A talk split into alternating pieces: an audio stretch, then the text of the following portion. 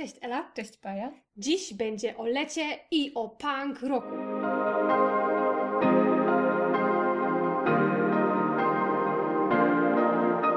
Dwa bardzo ciekawe tematy. Oba poruszymy na przykładzie dwóch książek, które ukazały się nakładem wydawnictwa Czarne. Jedna już jakiś czas temu, a druga właściwie z całkowitą nowością, wyszła w styczniu. I wydaje mi się, że właśnie od tej dobrze by było zacząć, od tej nowszej książki. E, Aha, i taki, e, taka uwaga, ostatnio, gdy polecałam Wam książkę z wydawnictwa Czarne, która ukazała się parę lat temu, to Ornella Worpsy kraj, gdzie nigdy się nie umiera, to ta książka okazała się dosyć niedostępna, za co przepraszam. E, Myślę, że poratują Was e, biblioteki, ale jeśli chodzi o tę drugą książkę, o której będę mówić dzisiaj, która też ukazała się już jakiś czas temu, to ta naprawdę jest dostępna na Allegro i w różnych sklepach z używanymi książkami w bardzo dobrej cenie, więc naprawdę tak Wam ją polecę, że nie będziecie mieć problemu ze znalezieniem egzemplarzy. Czyli nie bójcie się nastawiać na zakup tej Tak, książki, dokładnie. o której Paja będzie dzisiaj opowiadać. Więc zarówno ta nowa, jak i ta starsza, obie są dostępne, więc nie będzie problemu, gdyby ktoś chciałby sobie którąś z tych książek kupić albo wypożyczyć. Ale teraz przechodząc już do tej najnowszej książki, która z wydawnictwa Czarne się ukazała, a którą Ty, Ela, przeczytałaś, no to co możesz nam o niej powiedzieć? Co to jest za książka? Zacznijmy od tego, co to jest za książka. To będzie ten, ta druga część tematu, czyli punk rock. E, I to jest książka pod tytułem wiele mówiącym Trans, wyznania anarchistki, która zdradziła punk rocka, autorstwa Lori Jane Grace. To jest, tak jak e, wskazuje ten tytuł, właśnie książka na temat sceny punk rockowej. O której trochę może nam opowiesz, jako pan Kuba kiedyś, tak? Jak, jak, to, jak to czujesz i, i jak sobie to porównywałaś z tym, co autorka tutaj pisze o swoim świecie punk rocka, jak ten twój świat punk rocka wy, wyglądał, co? Tak, myślę, że to dla mnie było właśnie bardzo interesujące, nie tylko ze względu na e, samą historię, ale też właśnie na to otoczenie, na to, jak pokazany został ten świat i, i jego takie zakamarki, w które zwykle e, fan czy fanka punk rocka nie ma szansy zajrzeć, więc e, również to było bardzo ciekawe. E, No i oczywiście ta druga część związana właśnie z tożsamością, z odkrywaniem własnej tożsamości.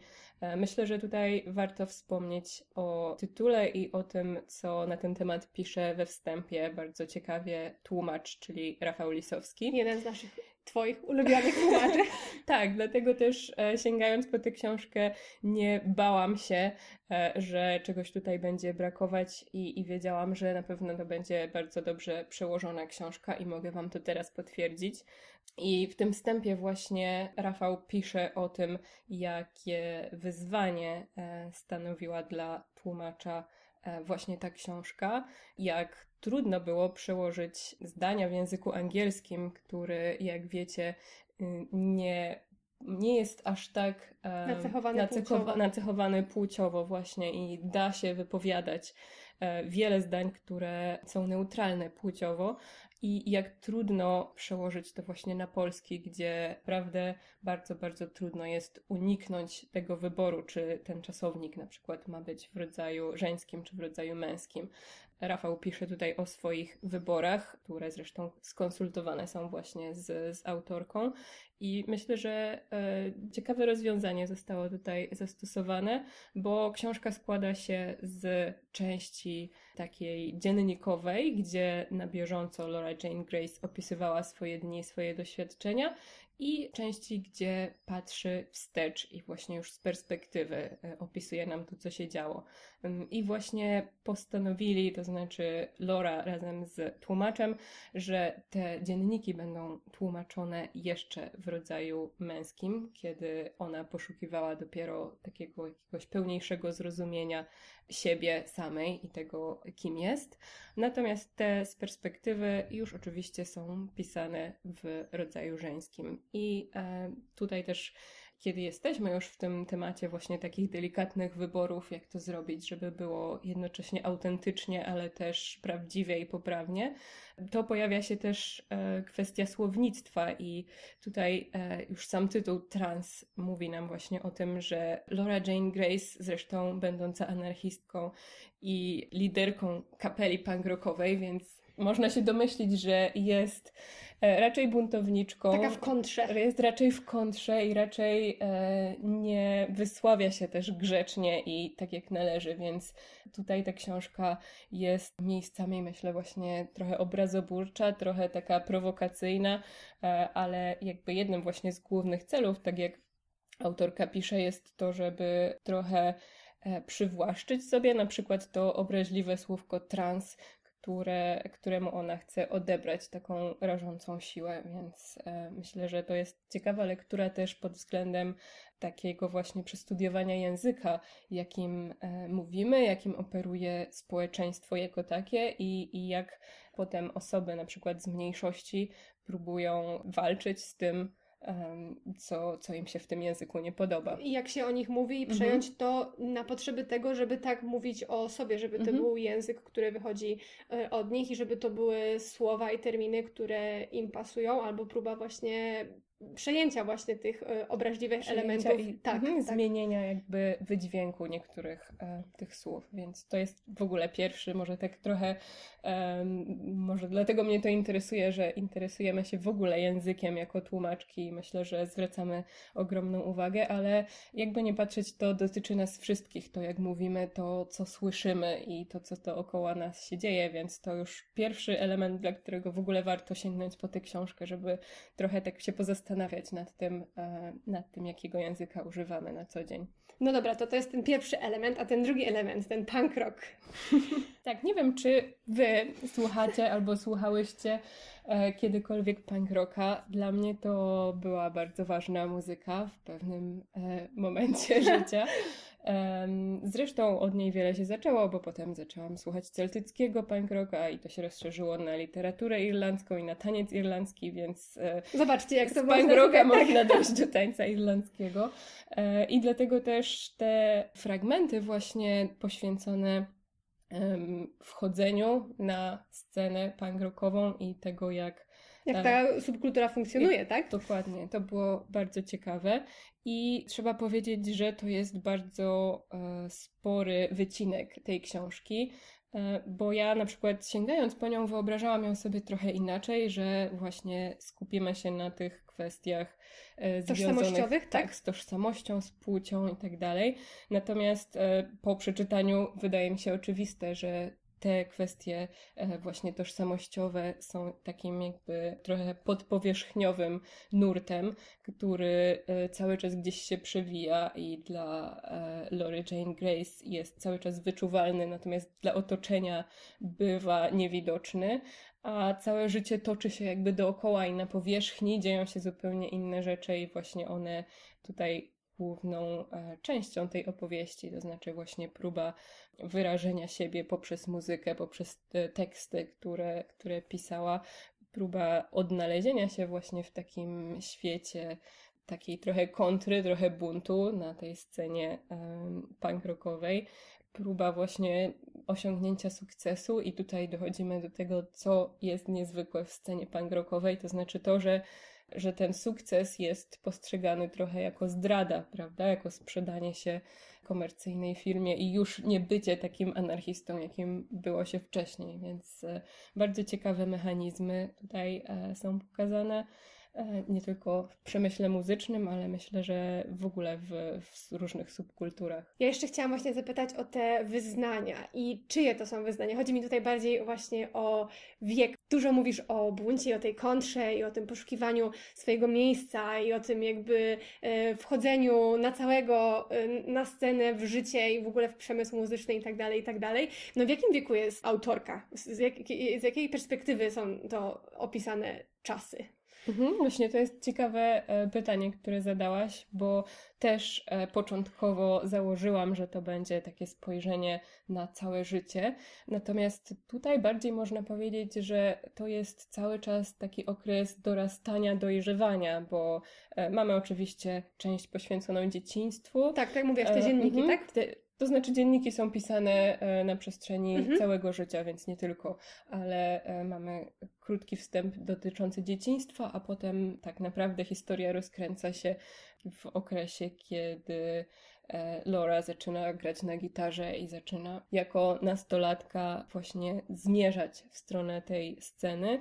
E, natomiast książka kończy się mniej więcej w momencie, kiedy Laura jest naszym wieku, może parę lat starsza, kiedy dopiero niedawno e, zaczęła terapię hormonalną i właśnie osiągnęła pewne, pewną taką zgodę, zrozumienie, zrozumienie siebie, siebie, i zgodę z samą sobą, więc e, myślę, że nie można powiedzieć, że to jest e, taka pełna autobiografia, czy pełne spojrzenie na całe swoje życie, ale też dlatego myślę, że to jest bardzo interesujące skupienie się właśnie na tym okresie, kiedy myślę, że wszyscy chyba bardzo się zmieniamy, jak spojrzę wstecz na to, Matko, jaka byłam. jak byłam, jak miałam 20 lat. 20 lat, prawda? I ta droga taka już bardzo, bardziej takiego świadomego um, dorastania bycia i bycia w świecie i bycia ze sobą Tak. i bycia sobą.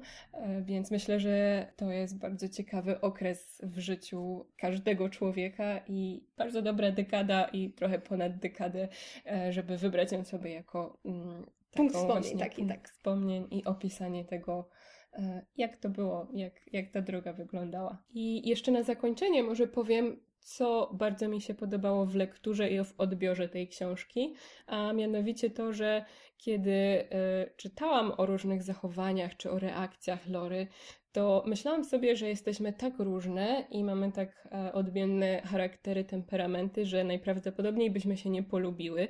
Gdybyśmy się spotkały, to nie wiem, czy byśmy potrafiły się dogadać albo e, przebywać razem przez dłuższy czas. Natomiast właśnie ten e, wgląd w te dzienniki i w jej przemyślenia i w jej doznania, doświadczenia, to wszystko pozwoliło mi bardzo się z nią identyfikować, mimo wszystko. I e, bardzo dogłębnie przeżywałam to, e, kiedy ona cierpiała albo kiedy spotykała się z niezrozumieniem. Więc e, myślę, że, że to jest piękne w tej książce, że nawet czując, że jesteśmy zupełnie różne, można było znaleźć ten taki ludzki punkt wspólny, nawet jeśli nie indywidualny. Także e, bardzo polecam właściwie niezależnie od tego, czy interesujecie się punk rockiem i czy wy dogadalibyście się z Lauren Jane Grace, bo myślę, że warto poznać po prostu e, tę niesamowitą historię. Super, bardzo, bardzo się cieszę, że tak pięknie sobie możemy o tej książce porozmawiać. Ja bym chciała w połowie tak pięknie i ciekawie opowiedzieć o książce, która po prostu mnie, słuchajcie, przeorała emocjonalnie. Już nie będę dłużej mówić, co to jest za książka. Jest to książka pod tytułem Jasne Dni autorstwa Żuży Bank. E, I to jest książka, tak jak już powiedziałam, która ukazała się nakładem wydawnictwa Czarne. E, Już Wam mówię, kto tłumaczył, bo to ma ogromne znaczenie, bo ta książka jest tak piękna, że po prostu, no... Ja będę chyba po prostu tylko mówić tak piękna i po prostu, po prostu i zaplączę się strasznie, chcąc Wam powiedzieć o tym, jak wielkie wrażenie na mnie zrobiła. Więc tłumaczką jest e, Elżbieta Kalinowska. Bardzo dziękuję Pani Elżbiecie Kalinowskiej, że dzięki niej możemy czytać książki e, Żuży Bank, zwłaszcza tę książkę, bo Żurza Bank napisała już chyba z 8 czy 10, spojrzałam sobie na niemiecką Wikipedię, żeby zobaczyć ile książek napisała. Po polsku ukazały się trzy. E, Dwie kolejne książki Żuży Bank, które ukazały się po polsku, już do mnie idą, bo ja muszę je mieć.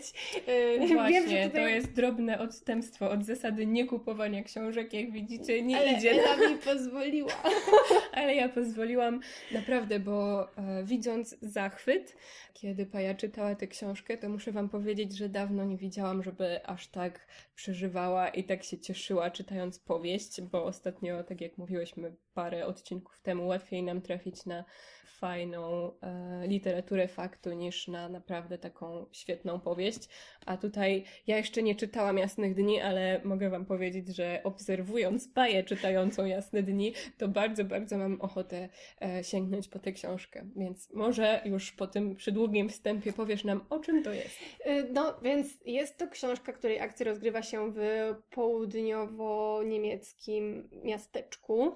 Ym, I narratorką tej książki jest serii. Są to wspomnienia, tak jakby nar- narratorka cofa się myślami do Mhm. czasów dzieciństwa i zaczynamy tę historię właśnie w dzieciństwie. I poznajemy jej najlepszą przyjaciółkę Aję, a potem jeszcze trzecią osobę, która dołącza do tego duetu, czyli Karla i razem tworzą trójkę przyjaciół. Bardzo ciekawa w ogóle ten trójkąt i te, te pojawiający się motyw trójkąta w tej książce to jest coś po prostu superowego.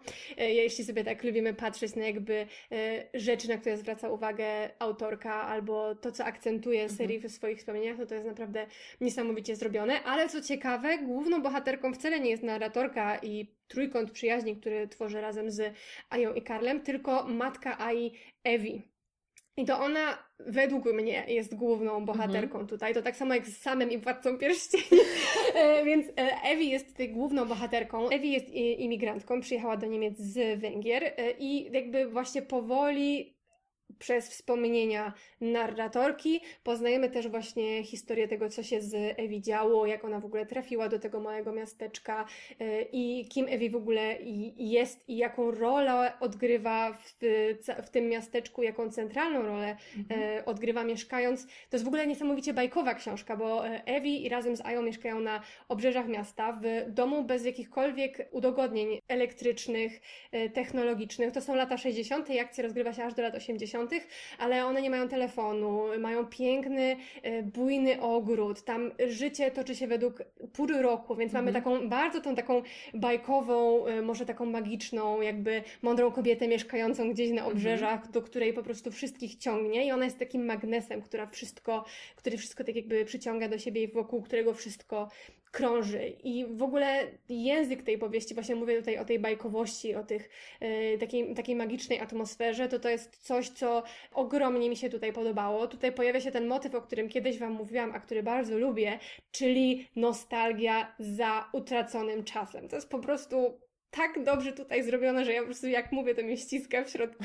E, właśnie ten utracony czas, utracone lato. Gorące lato, koniec lata, utracone dzieciństwo, to co wydarzyło się w dzieciństwie i co było takie piękne, magiczne, niedopowiedziane, to tutaj to jest przepięknie opisane. W ogóle można by tutaj bardzo dużo powiedzieć na temat tego, jakimi, jakimi jakaś taka metafora malarska albo zdjęciowa. Mhm. W ogóle zdjęcia też tutaj są ważne w tej książce, bo Karol, słuchajcie, zostaje fotografem, więc tak jakby to skupianie się na y, wydarzeniach, na jakichś małych małych rzeczach, na y, detalach, na jakimś drobnym geście, to tutaj też odgrywa bardzo ważną rolę, więc można mówić, że to zarówno są jakieś takie rozmazane z początku y, obrazy, trochę może impresjonistyczne, kiedy potem to dzieciństwo jest właśnie takie bardzo niedopowiedziane, że te dni się zlewają mhm. wszystkie w jedno, a im dalej te wspomnienia się jakby rozwijają, im dalej akcja, chociaż tutaj akcji nie za wiele można powiedzieć, bo to bardziej jest książka działająca na, mm, popychająca po prostu czytelnika mm, dzięki opisom, więc im dalej idziemy, tym bardziej ten obraz jakby mhm. się y, staje coraz bardziej wyraźny. Poznajemy szczegóły z przeszłości,